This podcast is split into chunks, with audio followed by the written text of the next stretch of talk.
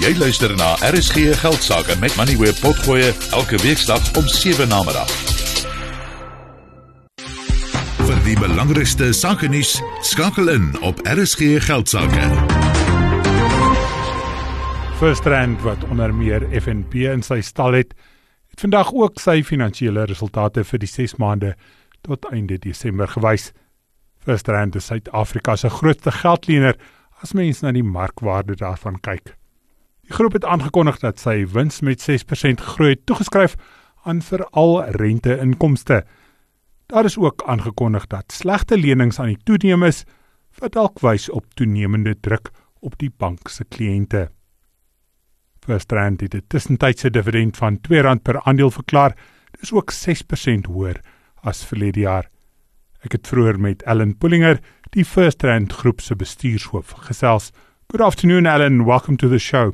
Last you spoke to us, you predicted a difficult 12 months ahead for the South African economy with high interest rates putting pressure on consumers here. Do these results show that? Absolutely, we think it does. I suppose we're pleased from a FirstRand perspective. You know, we've seen our advances growth or loans, if you like, come back nicely. So growing 11% in the six months and compared to the comparative and also deposits growing and so nice net interest income if you like. And then if you look at our cost of credit which is really what you're talking about how we're doing in terms of non-performing loans or, you know is there payment strain? At a group level it's printed really well you know. So just to give you sort of a sense there's a range that we would expect it to fall within 80 to 110 basis points, and it's only at 83 basis points. So we've just tipped our toes, if you like, into the bottom end of the range.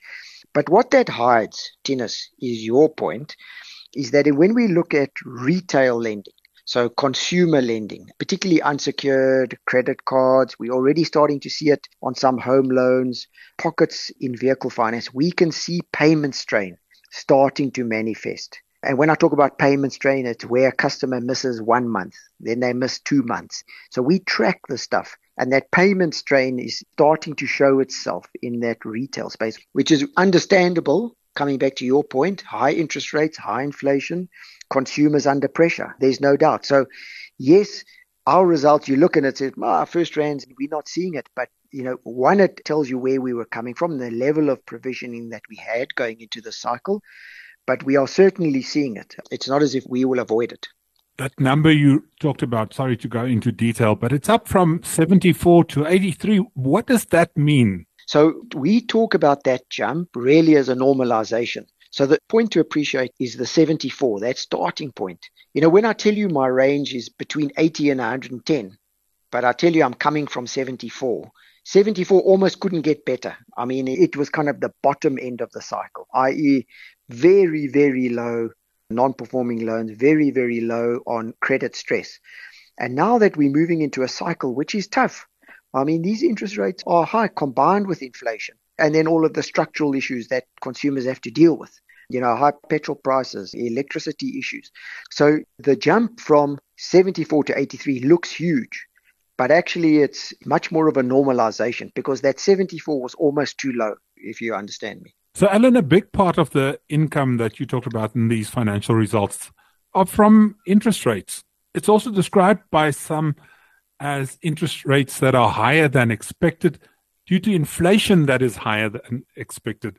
Does the income come from the top end of your clients? No, it's, it's everywhere. I mean, you know, if you look at where the loan growth has come from, you know, we, we talk about loans growing 11%.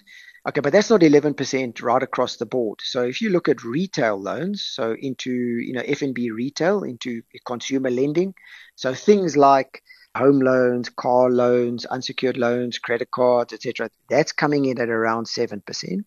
And then lending into FNB commercial. So these are your smaller little businesses, SMEs, up to sort of mid corporates. That grew at 10%. And then at the large end, which is kind of really where RMB plays, you know, into the larger corporates, and they also do cross-border lending into the region. Those books grew 14%. So you can see at the bigger end, 14%, FNB commercial 10%, but then retail lending, you know, a lot more muted, down at 7%. So what does the next 12 months look like? Are interest rates coming down this year? Can we move before the rest of the world by cutting our interest rates? Yeah, it's a good point you make. I don't think, you know, as a small open economy, we are dependent on foreign financing for our deficit. We can't afford to move before the big developed markets. So I guess we're all sort of Fed watching at the moment. I guess when the Fed starts cutting and the Bank of England follows, then I think it opens up a window for us to start thinking about interest rate cuts. I can't see us moving before those big central banks. So our house view assumes in the second half of this calendar year we would see interest rate cuts.